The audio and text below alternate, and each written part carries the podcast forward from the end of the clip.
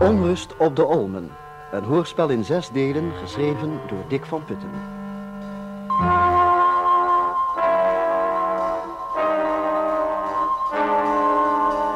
Tweede deel, moeilijkheden voor dokter Serleen.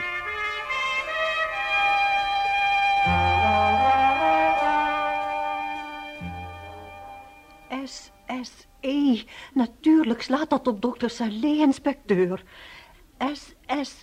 Simon Serlee. Als de arme Thomas nog iets langer had geleefd... zou hij die naam zeker voluit hebben geschreven. Het lijkt er in elk geval veel op.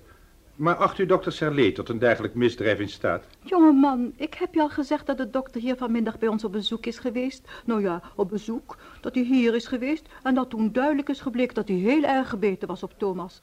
Hij heeft toen... Ja, ja. Hoe laat kwam hij hier ongeveer? Weet u dat ook, mevrouw? Hoe laat? Nou, dat, dat zal ongeveer vier uur geweest zijn. We zaten net thee te drinken. Juist. En hoe laat is hij zowat weer weggegaan? Twaalf minuten voor half vijf. Twaalf minuten voor half vijf? Hoe weet u dat zo precies? Omdat ik op mijn horloge heb gekeken. Had u daar een speciale reden voor? Ik doe niets zonder reden, mijn waarde inspecteur. Ik heb geleerd nauwkeurig te zijn, ook in kleinigheden. En nu blijkt hoezeer je dat van pas komt. Overigens, een methode die ik van Miss Marple heb overgenomen. Miss Marple? Wie is dat? Kom, kom. U bent toch inspecteur van politie en toch niet van een verzekeringsmaatschappij, is het wel? Miss Marple zou deze zaak totaal anders hebben aangepakt. Zij zou in de eerste plaats... Helen, ik geloof niet dat de inspecteur geïnteresseerd is in jouw romanfiguren. En voor een uitleg lijkt mij de achtergrond van deze zaak veel te triest. Inderdaad, mevrouw. Brigadier, wat is je laatste vermeldenswaardige aantekening? Dat Miss Marple deze zaak anders zou hebben aangepakt, inspecteur. Ik zei vermeldenswaardige aantekening. Ja, neemt u me niet kwalijk. Dat dokter Serlee dit huis om precies twaalf minuten voor half vijf heeft verlaten. Juist. En het slachtoffer werd plusminus half negen gevonden. Waaruit dus blijkt dat de moord heeft plaatsgehad tussen twaalf minuten voor half vijf en ongeveer half negen. Ik meen dat u zich vergist, inspecteur. Oh ja?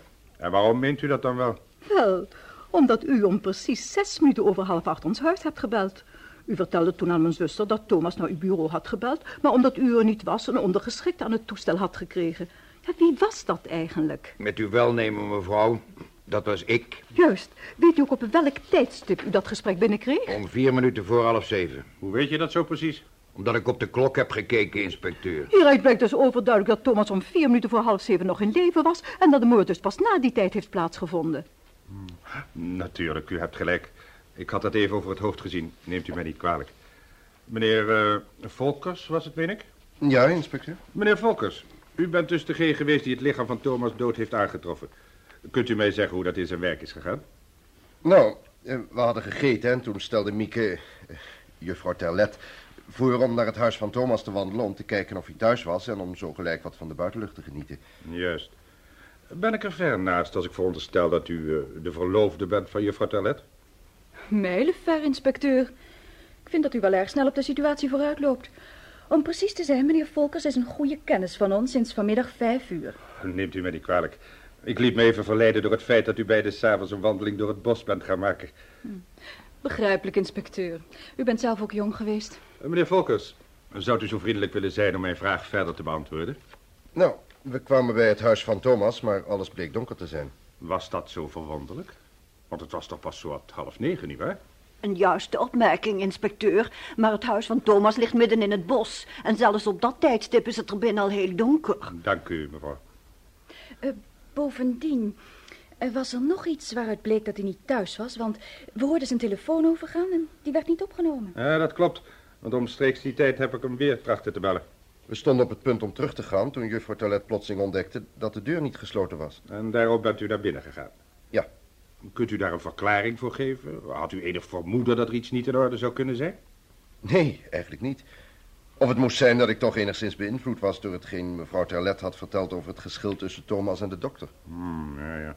Hoe dan ook, u ging naar binnen en u vond het lichaam van Thomas op de grond liggen. Ja. Hij lag voorover en naast hem lag die krant met die letters erop. Hebt u het lichaam aangeraakt? Ik heb hem omgedraaid om te zien of hij nog leefde. Maar helaas. Hij had een wond in zijn borst, even boven het hart, en één in de hals. Maar hij heeft schijnbaar nog lang genoeg geleefd om op een krant die eh, wonderlijke letters neer te schrijven. Wonderlijke letters. Maar die spreken toch voor zichzelf, inspecteur. Ik begrijp werkelijk niet waarom u hier uw tijd verbeuzelt... en daarmee de dader in de gelegenheid stelt om te verdwijnen. Ja, in uw plaats... Ik weet het, mevrouw. In mijn plaats zou die Miss Waits ook weer het heel anders hebben behandeld.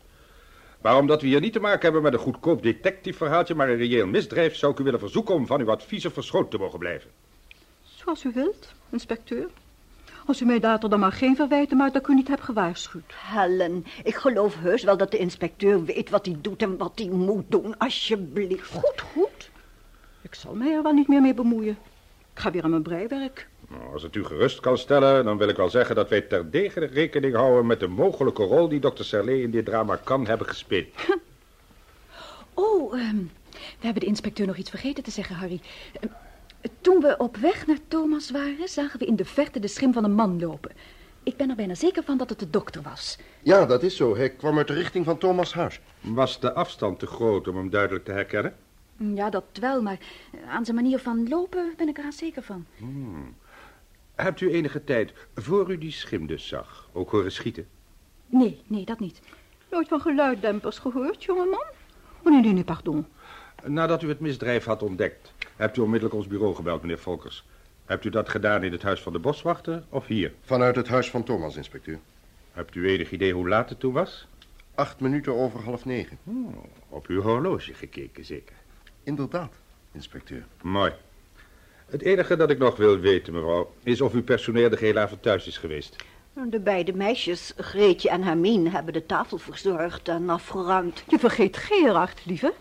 Gerard, onze huisknecht, heeft een vrije avond en is al voor het diner weggegaan. Weet u ook waarheen? Naar uh, kennissen, zoals hij zei. Goed. Heb je alles, Kruk niet? Jawel, inspecteur. Voorlopig zijn we hier klaar. Maar hoe kunt u in 's hemelsnaam... Nou ja, laat maar. We rijden nog even langs het huis van het slachtoffer om te kijken wat onze technische mensen en de dokter hebben gevonden. Dat gebeurt in de boeken en op de tv ook altijd, geloof ik. Oh ja, meneer Fokkers. Waar en op welke wijze kan ik u bereiken als dat nodig wordt zijn? Wel, hier hebt u mijn kaartje met gegevens, inspecteur. Dank u. Alsjeblieft. H.J. Volkers, directieassistent Technische Handelsonderneming Unitas NV, Den Haag, telefoon enzovoort en uw privéadres. Prachtig. De mogelijkheid is niet uitgesloten, dames, dat ik morgen nog wel even bij u langskom om nog wat bijzonderheden te vernemen. Voorlopig dank ik u voor uw medewerking. Goedenavond. Ik zal even de buitenlichten voor u aandoen, inspecteur.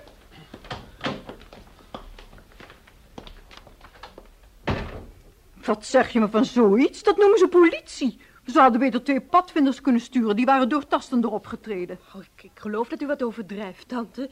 Die inspecteur is heus niet op zijn achterhoofd gevallen. Maar lieve kind, je weet niet wat je zegt. De dader laat gewoon zijn visitekaartje achter. En hij neemt niet eens de moeite naar hem toe te gaan om hem te verhoren. U hebt hem zelf horen zeggen dat hij wel terdege rekening houdt met dokter Serlet. Rekening houden, maar mijn hemel. Nou, ik heb al heel wat over naïeve inspecteurs gelezen, maar deze spant wel de kroon. Ontzettend, wat een dag. Arme Thomas, ik kan het me nauwelijks voorstellen. Oh, zeg dat wel. Op zo'n manier je einde te moeten vinden, verschrikkelijk. Zoals hij daar lag, dat beeld zal ik nooit meer kwijtraken. Nou, ik weet niet hoe jullie erover denken. En het is natuurlijk niet in overeenstemming met de situatie, maar ik heb reuze behoefte aan een stevige borrel. En ik geloof dat het voor jullie ook wel goed zou zijn. Misschien heb je wel gelijk. Oh, Harry, je gaat toch hopelijk niet meer weg vanavond? Ik moet er niet aan denken dat wij hier alleen achterblijven. Oh nee, Harry, dat, dat kan je niet doen. Je moet hier bij ons blijven, alsjeblieft. Ik zal wel vragen of Geertje een kamer in orde wil maken. Wel, als jullie denken dat mijn aanwezigheid jullie wat gerust kan stellen, dan zal ik natuurlijk blijven. Maar dan wil ik wel even mijn directeur bellen. Misschien lukt het me zelfs om een dagje extra vrij te krijgen. Oh, dat zou heerlijk zijn. Nou, je weet het, de telefoon staat in de hal. Dan doe ik het meteen maar.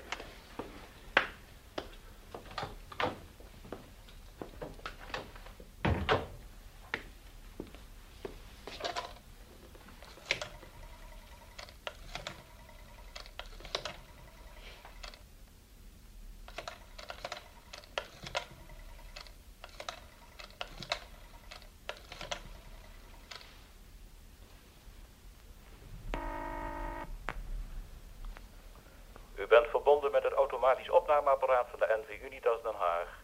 Code en spreekt u waar. 131. Boswachter van de Olme doodgeschoten. Buurman dokter Serlet wordt verdacht. Gaarne bijzonderheden over zijn persoon. Verder identiteit trachten na te gaan van J.A. Andriessen en G. Berger, beiden uit Groningen. Met vakantie op camping bij Ruinswoude. Namen vermoedelijk vals. Een van beiden mist de linker pink. Politie is in de zaak gemengd. Zal bij u waarschijnlijk navraag doen naar mijn persoon. Blijf voorlopig hier. Verwacht antwoord. Einde bericht.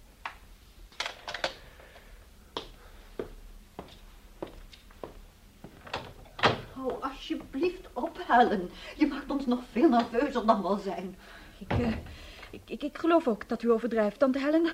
Dat is je reinste fantasie. Fantasie, hoe kom je daarbij? Het is een realiteit waarmee wij terdege rekening moeten houden. Oh, Harry, gelukkig dat je er weer bent.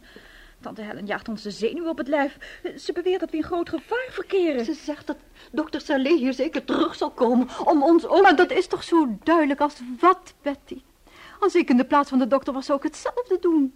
Och, luister, Harry. Misschien beschik jij over gezond verstand.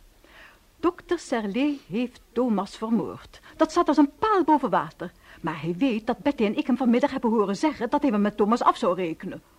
Nou, en in een rechtszaak die hier ongetwijfeld op zal volgen, zouden wij dus een zeer bezwarende getuigenis tegen hem kunnen afleggen. En dit terdege beseffend is de volgende stap van de moordenaar natuurlijk om dat te voorkomen. En daarom denkt ze dat de dokter nu ergens in de buurt rondzwerft en de kans afwacht om ons ook...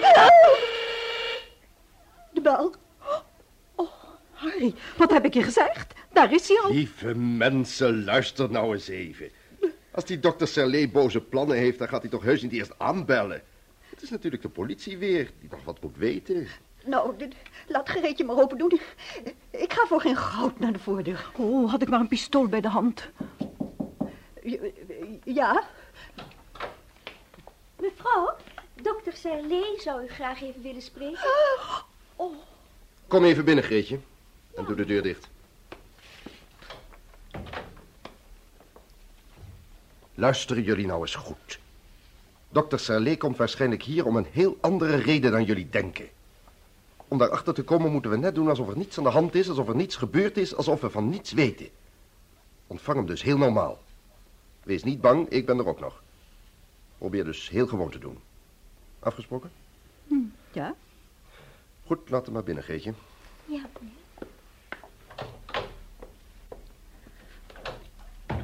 Nou, doen of er niets aan de hand is. Grote hemel. Gaat u binnen, dokter? Goedenavond. Goedenavond. Goedenavond.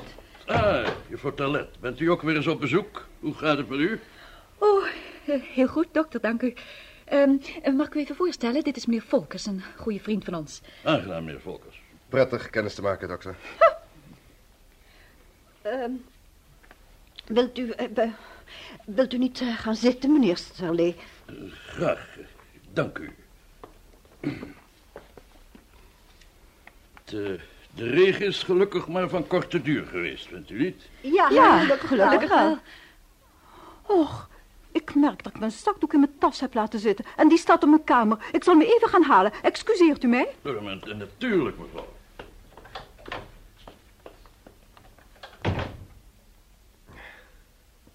Eh, sigaret, dokter? Eh, Heel graag, meneer Volkers. Dank u. Mevrouw Terlet, eh, neemt u me niet kwalijk dat ik nog zo laat bij u aankom. Maar er zit me iets dwars dat ik graag uit de weg zou willen ruimen. Oh, Ik had eigenlijk eh, morgenochtend willen komen, maar toen ik zag dat er nog licht bij u brandde, dacht ik, laat ik meteen maar gaan. Hoe eerder het uit de wereld is, des te beter. Ik zou graag iets met u willen bepraten, maar eh, ik wacht liever even tot uw zuster weer terug is. u, u maakt me nieuwsgierig, dokter. Ah, daar is mijn zuster weer. Helen, dokter Serlet zou graag iets met ons willen bepraten. Wat dat dan ook is, ik ben erop gewapend. Ik had niet verwacht dat uw nichtje en meneer Volkers bij u zouden zijn, maar eh, hun aanwezigheid behoeft geen belemmering te zijn. Zegt u maar wat u op uw hart hebt, dokter. Nou, ik ben vanmiddag bij u geweest, zoals u zich ongetwijfeld herinnert. Ik, ik was nogal geïrriteerd door bepaalde gebeurtenissen en ik vrees dat mijn houding tegenover u nogal onwellevend was. Dat, dat realiseerde ik me eigenlijk pas toen ik weer thuis kwam. De reden van dit late bezoek is dan ook dat ik, eh, dat ik u bij de gaarne mijn excuses wil aanbieden voor mijn onbeheerste gedrag van hedenmiddag. Ik, eh, ik, ik hoop dat u mijn excuses zult willen aanvaarden. Natuurlijk, dokter. Maar er zijn nog enkele kleinigheden waarover u ons tekst en uitleg verschuldigd bent. Allereerst die kwestie Tante met... Helen, misschien is het beter als ik de zaak verder met de heer Salé bespreek. Neemt u niet kwalijk, dokter, maar ik krijg sterk de indruk dat u of een voortreffelijk toneelspeler bent... of niet op de hoogte van bepaalde gebeurtenissen welke zich na uw bezoek hier hebben afgespeeld. Bepaalde gebeurtenissen, wat bedoelt u? Gebeurtenissen waarbij wij allen, zoals we hier zitten, ten nauwste zijn betrokken. Ook u, dokter. Ik begrijp niet goed waar u het over hebt, meneer. Ik begrijp ook niet waar u zich mee bemoeit. Ik ben hier alleen gekomen om de dames mijn verontschuldiging aan te bieden voor... Voor uw onbeheerst gedrag, juist. En tijdens dat onbeheerste gedrag hebt u bedreigingen geuit aan het adres van Thomas de Boswachter, nietwaar? Wat hebt u daar voor de duivel mee te maken? Ik slechts zijdelings. U rechtstreeks, dokter. Vertelt u eens, bent u vanmiddag na uw bezoek aan de dames naar uw eigen huis gegaan of naar het huis van Thomas? Met welk recht durft u me dergelijke vragen te stellen? Wilt u iets op van de politie? Nee, zoals gezegd, ik ben alleen een kennis van de familie. Dan weiger ik op uw vragen te antwoorden. Begrijpelijk, maar een beetje dom, vind ik. Ik geloof dat u de situatie onderschat, dokter. U zit tot uw nek in de moeilijkheden en mijn vragen zijn alleen bedoeld om u zo goed mogelijk te helpen. Helpen? Maar Harry... Alsjeblieft, tante Helen, laat u mij nog even. Als u mij niet wilt antwoorden, dokter, dan is dat uw goed recht. Maar tegenover de politie komt u er niet zo makkelijk af. De politie? Wat heeft die ermee te maken? Alles. Luister goed, dokter. En als u daarna nog niets wilt zeggen, dan moet u het zelf maar weten. In deze kamer heeft vanmiddag een zeker iemand in een driftige bui gezegd dat hij wel met Thomas zou afrekenen. Enkele uren later wordt die Thomas in zijn huis gevonden. Doodgeschoten. Vermoord. Wat zegt u? Thomas? Vermoord? Ja. Begrijpt u nu waarom ik zei dat u tot uw nek in de moeilijkheden zit? Vanzelfsprekend is de politie al in de zaak gemengd. Ze zijn het onderzoek begonnen en dat leidt onherroepelijk naar u. Grote hemel, Thomas. Maar, maar ik bezweer u dat ik dat niet gedaan heb, meneer Volkers. Ik heb hem zelfs niet meer gezien. Bent u hier vandaan naar zijn huis gegaan? Ja, dat wel. Maar onderweg was mijn driftbuig gezakt. Ik wilde alleen de kwestie met hem gaan uitpraten, maar hij was niet thuis. U liegt, dokter. En dat weet u heel goed. Helen, alsjeblieft. Niets, alsjeblieft. Ik zal nu zeggen wat ik om mijn hart heb.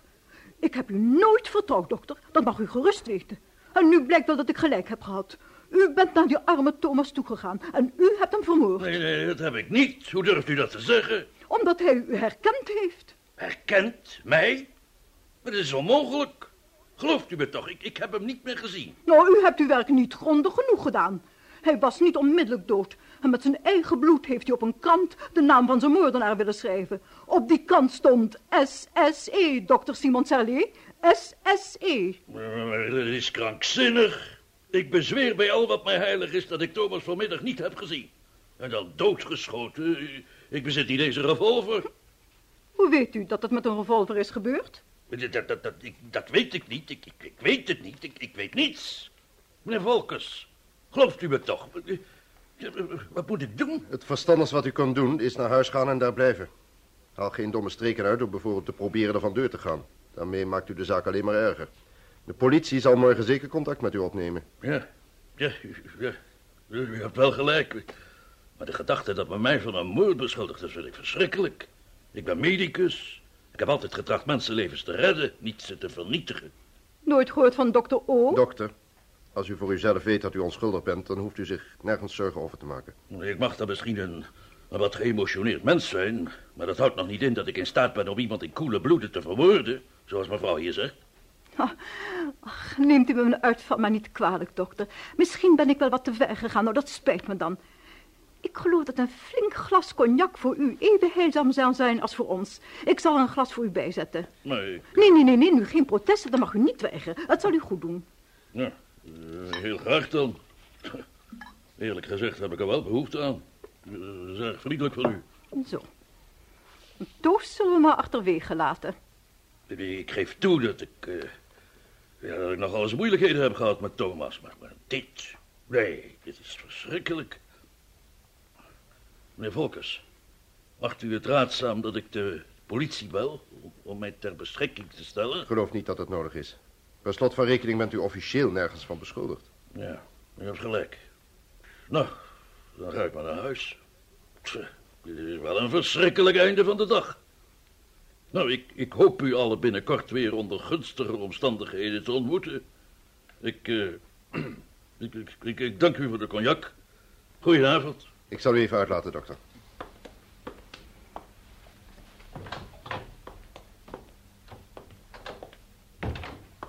Meneer Volkers, zegt u mij eens eerlijk, ziet u in mij een moordenaar? Ik zou geneigd zijn om te zeggen nee. Daarom hoop ik dat u voor deze middag en avond over een waterdicht alibi beschikt, dokter.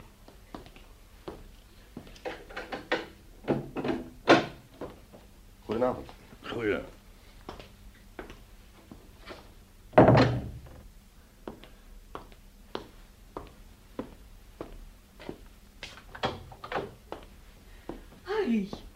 Weet je dat je een voortreffelijk politieman zou kunnen zijn? Ik heb ademloos zitten luisteren. Ja, mijn complimenten, Harry. Ik dacht af en toe gewoon dat ik naar een tv-film van Perry Mason zat te kijken. Oh, zoals jij me in een hoek dreef. Geweldig. Arme man. Toch had ik medelijden met hem. Zoals hij daar zat, zo, zo alleen, zo hulpeloos. Ik kan nog moeilijk geloven dat hij een moordenaar is. Wel, nou nog mooier. Na al de bewijzen die er tegen hem zijn. Grote hemel, is die zakdoek in uw tas zo zwaar, tante? Dat is geen zakdoek, dat is mijn luger. Die heb ik gauw gehaald. Kijk maar. Helen, alsjeblieft, doe weg dat verschrikkelijke ding. Moet het er ongelukkig gebeuren? Wilt u zeggen dat u al die tijd met uw hand in die tas dat pistool hebt vastgehouden? Nou, niet al die tijd. Niet toen ik cognac inschonk bijvoorbeeld. Toen was het gevaar wel achter de rug. Maar verder heb ik hem voortdurend onder schot gehad. Alleen zat Mieke af en toe hinderlijk in de weg. Je genade, ik moet er niet aan denken wat er had kunnen gebeuren. Dacht je dat ik ons rustig als schietschrijver had laten gebruiken? Je had gelijk, Harry, toen je zei dat hij een voortreffelijk toneelspeler is. Als jullie er niet geweest waren, zou er heel wat anders gebeurd zijn. Als je één moord begaat, kan je er ook meer begaan. En het staat voor mij vast dat hij vanmiddag na zijn bezoek aan ons naar Thomas is gegaan en hem heeft neergeschoten. Tante, het blijkt steeds weer wapenbezit, verslapte wil tot nadenken. Wat bedoel je? Dat u nu dezelfde fout maakt als de inspecteur. Een fout waar u hem notabene zelf op hebt gewezen. Het tijdstip van de moord. Twaalf minuten voor half vijf is de dokter hier vandaan gegaan, maar om vier minuten voor half zeven leefde Thomas nog.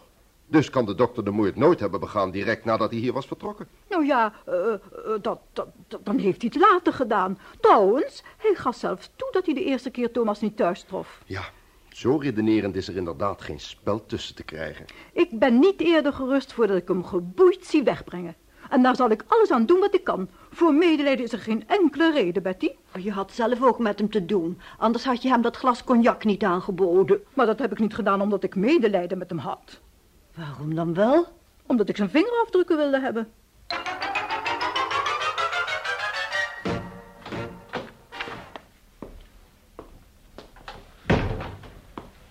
Morgen, inspecteur. Morgen, Reuklied. Man, wat klinkt jouw stem walgelijk opgewekt. Goed geslapen zeker? Dank u. U niet? Oh, in elk geval te kort. Ik heb tot gisteravond laat zitten wachten op het rapport van de dokter. Heeft het nog wat opgeleverd? Hier, kijk maar.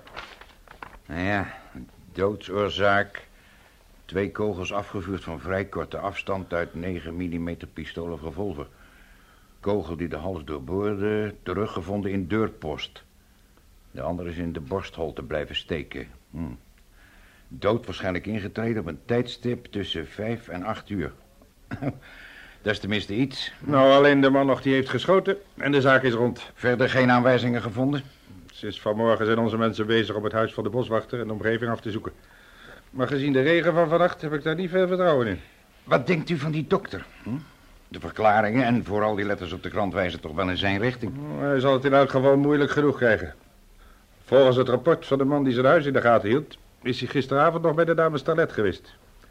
En omdat ik heel benieuwd ben naar het waarom... gaan wij er straks naartoe. Hm, het lijken me pittige vrouwtjes, die twee dametjes. Vooral die ene, die tante Helen. Mij net iets te pittig. U begrijpt nu de betekenis van het woord Hellenveeg. Ik heb mijn vrijgezellen bestaan wel eens vervoerd, kreuk niet. Maar na die ontmoeting met haar ben ik er weer volledig mee verzoend. Oh ja, hier heb je het kaartje van die meneer Volkers. Laat de gegevens checken, wil je? Goed, maar zijn alibi lijkt me anders wel waterdicht, hè? Op het tijdstip van de moord was hij in het gezelschap van de dames. Uh, dat wel. Hoewel, uh, ik vind zijn plotseling verschijnen daar wel wat toevallig. Hmm, en dan is er natuurlijk nog die huisknecht die zijn vrije avond had. Al met al werk genoeg voor de komende uurtjes. Kom mee. Ik zet jou af bij de rechercheploeg en ik ga naar die pittige vrouwtjes van jou. Misschien heeft tante Helen wel een schokkende ontdekking gedaan. Ik kan het me gewoon niet indenken. Hier zitten we nu op het terras koffie te drinken. De vogels zingen, de bomen, alles lijkt zo vredig en rustig. En toch is er in onze onmiddellijke omgeving zoiets vreselijks gebeurd. Oh, houdt u erover op. Ik heb de hele nacht geen oog dicht gedaan. Steeds weer zag ik die krant voor me met die letters van bloed. Ik begrijp dat het een hele schok voor jullie is geweest. Maar laten we nu proberen de situatie nuchter onder ogen te zien. Je haalt me de woorden uit de mond, Harry. Er is een lafhartige moord gepleegd. Voor emotie is nu geen plaats. Wij moeten koel en zakelijk redeneren en daarna handelen. Handelen? Wat bedoel je daarmee? Wij kunnen immers niets doen. Niets doen? Och, kom nou. Luister. We hebben het gepruts van die inspecteur gisteren aangezien. Het is duidelijk dat we van die man niets hebben te verwachten. Die is hoogstens in staat om achterlichts van fietsen te controleren. Nee, als we willen dat de moordenaar aan het gerecht wordt overgeleverd... dan zullen we zelf de handen uit de mouwen moeten steken. Hoe wilt u dat in 's hemelsnaam doen? Daar is toch juist de politie voor? Ja, normaal gesproken wel. Maar aangezien we hier te doen hebben met een geuniformeerde jeugdleider... moeten we zelf wel het initiatief nemen. Helen, ik geloof dat jij die inspecteur schromelijk onderschat. Als dat jouw mening is, Betty, dan is dat jouw goed recht. We leven per slot van rekening in een democratische maatschappij. Maar als je later ongelijk moet erkennen, denk er dan wel aan aan wat ik je gezegd heb. Tante, u sprak over koel en zakelijk redeneren. En, en, juist daarom kan ik me zo moeilijk indenken dat dokter Sarlee Thomas zou hebben vermoord.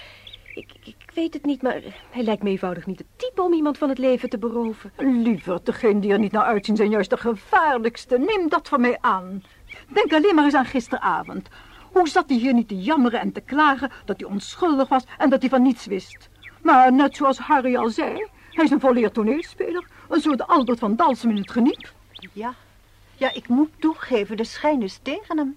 Hij is hier geweest en hij heeft Thomas bedreigd. En hij is s'avonds naar hem toegegaan. Dat heeft hij zelf toegegeven. Ja, en uh, s'avonds hebben Harry en ik hem ook gezien. Natuurlijk. Een misdadiger keert altijd terug naar de plaats van de misdaad. Dat is een oude wet in de criminologie. Waarschijnlijk is hij toen gaan kijken of hij soms sporen had achtergelaten. Zou je dan die krant met zijn initialen erop hebben laten liggen, denkt u? Hm? Huh? Nou ja, uh, uh, misschien heeft hij die over het hoofd gezien. Dat is natuurlijk mogelijk. Nou, moet u nog meer bewijzen?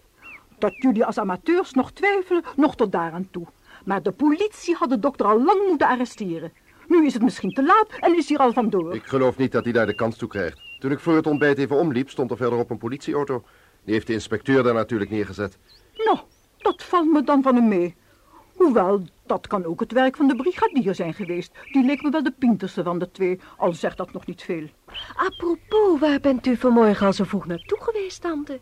Ik zag u voor half acht al het bos ingaan. Och, ik ben even naar het huis van Thomas geweest. Helen, hoe durf je? Ik wilde uit eigen waarneming wel eens weten wat er precies gebeurd is. En die arme Thomas? Lag hij... Was hij nog... Nee, de agent die daarop wacht stond zei dat de politie het lichaam gisteravond al had weggehaald. Och ja, er moet natuurlijk sectie op verricht worden, hè. Ze zullen ongetwijfeld proberen om de kogels uit het lichaam te verwijderen. Om zo... Tante Helen, alsjeblieft, hou op. Nou, en stel je voor, ik mocht niet eens naar binnen van die agent. Hij handelde in opdracht van de inspecteur, zei hij. Wil je mensen nog wel eens helpen om de zaak tot klaarheid te brengen? Maar nee hoor. Nou, daar zal ik het inspecteurtje toch eens over onderhouden. Dan krijgt u daar nu de gelegenheid voor, want dan komt hij juist aanwandelen. Waarachtig. Alsof hij niets anders te doen heeft. Ik zou me er toch maar niet te veel mee bemoeien als ik jou was, Helen. Goedemorgen, dames. Morgen, meneer. Goedemorgen, inspecteur. Uh, kunt u uh, ons al iets vertellen, inspecteur? Weinig, mevrouw. Het onderzoek is nog in volle gang. En in verband daarmee zou ik graag even een praatje willen maken met uw huisknecht, als u mij dat toe wilt staan. Vanzelfsprekend, inspecteur. Gaat uw gang. Ik denk dat hij in de bijkeuken is. Zal ik even met u meegaan? Oh, doet u geen moeite, mevrouw. Ik vind hem wel. Dank u.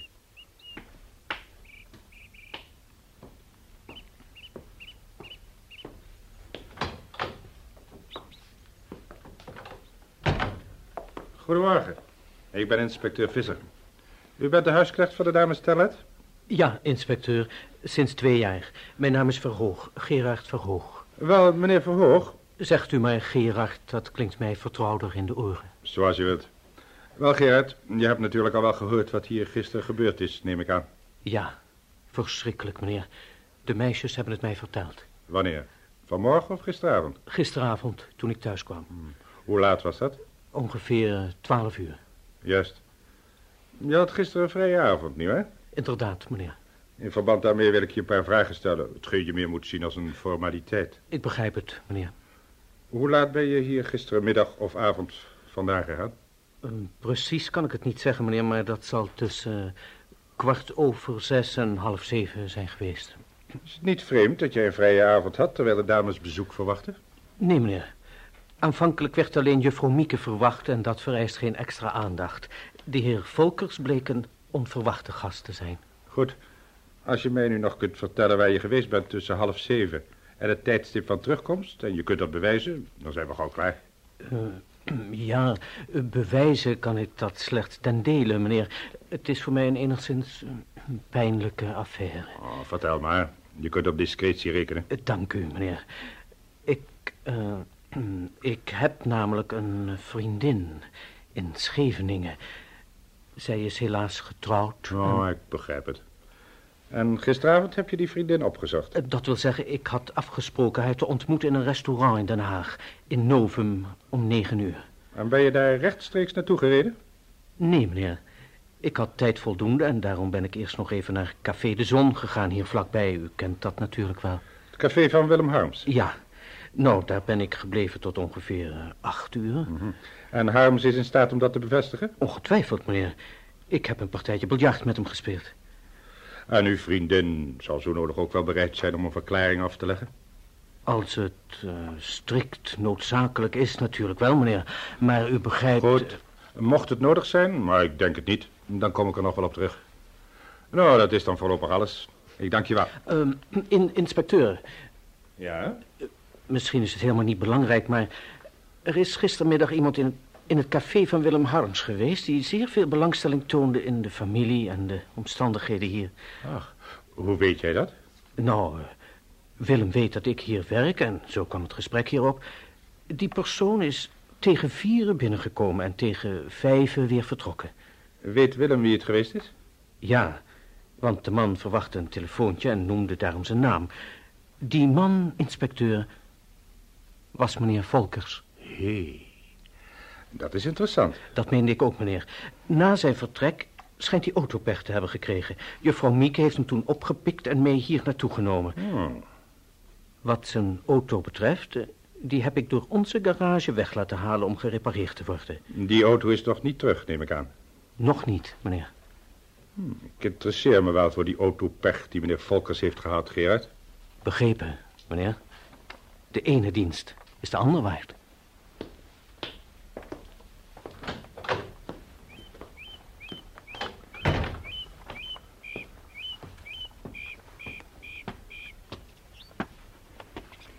Heeft u met Gerard gesproken, inspecteur? Ja, en ik kan u zeggen dat zijn persoon geheel en al buiten de kwestie staat.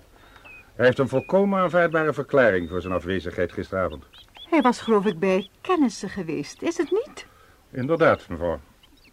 Uh, wilt u misschien ook een kop koffie, inspecteur? Oh, erg vriendelijk van u, maar ik heb nogal het een en ander te doen. Ik wil eens even een praatje gaan maken met uw buurman, de heer Serlet. Ach, dan geloof ik dat u zich die moeite kunt besparen, inspecteur. Daar komt hij juist aan. Ah, is dat nu dokter Serlet? Dat is wel zeer toevallig. Naar zijn gezicht te oordelen is hij in een niet al te best humeur. Goedemorgen, dames en heren. Goedemorgen. U bent waarschijnlijk inspecteur Visser? Die ben ik, ja. Mijn naam is Serlet.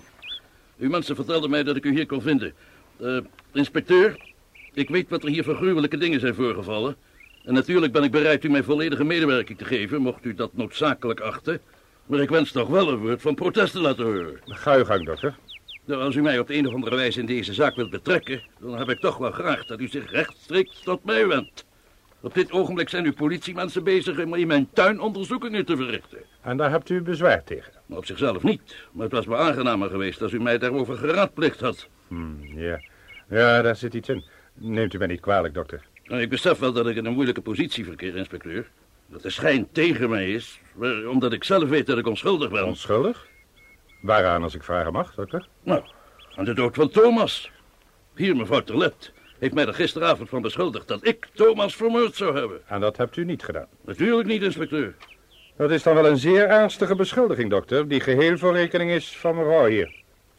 Ongetwijfeld zal zij in staat zijn haar beschuldigingen met onweerlegbare bewijzen te staven, maar voorlopig zou ik me daar maar niet te veel van aantrekken. De enige die u in staat van beschuldiging kan stellen, is de politie. Dank u, inspecteur. Niettemin zult u wel op enige vragen een antwoord moeten geven, dokter. Maar het lijkt me beter als dat in een andere omgeving gebeurt. Ik sta, zoals gezegd, geheel tot uw beschikking, inspecteur. Maar, nou ja, nu u hier toch bent, kunt u op enkele algemene vragen misschien al wel een antwoord geven. Zoals, eh, bent u in het bezit van vuurwapenen? Ik bezit een dubbeloops jachtgeweer. Hm, Daar hebt u een vergunning voor, neem ik aan? Ja. Mooi. U bezit geen pistool of revolver? Nee, ik ben ook nooit gehad. En inspecteur, ik, ik mag dan af en toe op wat gespannen voet hebben gestaan met Thomas. Maar dat ik hem daarom vermoord zou hebben, dat is toch waanzin? Een mens kan soms tot vreemde dingen komen, dokter. ja, wat is er? Brigadier? Neemt u me niet kwalijk, inspecteur, maar ik geloof dat wij het wapen hebben gevonden waarmee de moord is gepleegd. Wat zeg je? Ja, kijkt u maar. Een 9 mm Luger-pistool en er ontbreken twee patronen aan het magazijn. Waar hebben jullie dat gevonden? Op een plank, onder een stapel oude poetslappen, in de garage van dokter Serlet.